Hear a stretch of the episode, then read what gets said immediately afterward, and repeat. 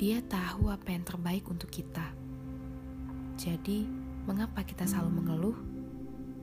Kita selalu ingin matahari bersinar, tapi ia tahu bahwa hujan harus turun.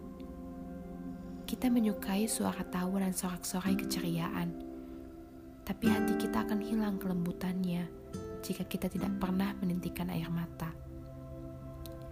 Dia sering menguji kita dengan penderitaan dan kepedihan ia menguji kita bukan untuk menghukum kita, melainkan untuk menolong kita menghadapi hari esok. Karena pohon yang sedang tumbuh akan menjadi kuat apabila mereka tahan terhadap terpaan badai. Dan sayatan tajam sebuah pahat akan membentuk. Marmer menjadi lebih indah dan mahal.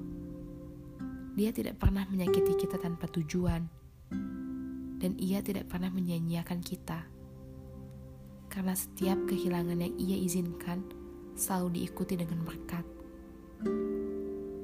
Dan ketika kita hitung berkat yang dia berikan, tidak ada alasan bagi kita untuk menggerutu, dan tidak ada alasan juga untuk meratap.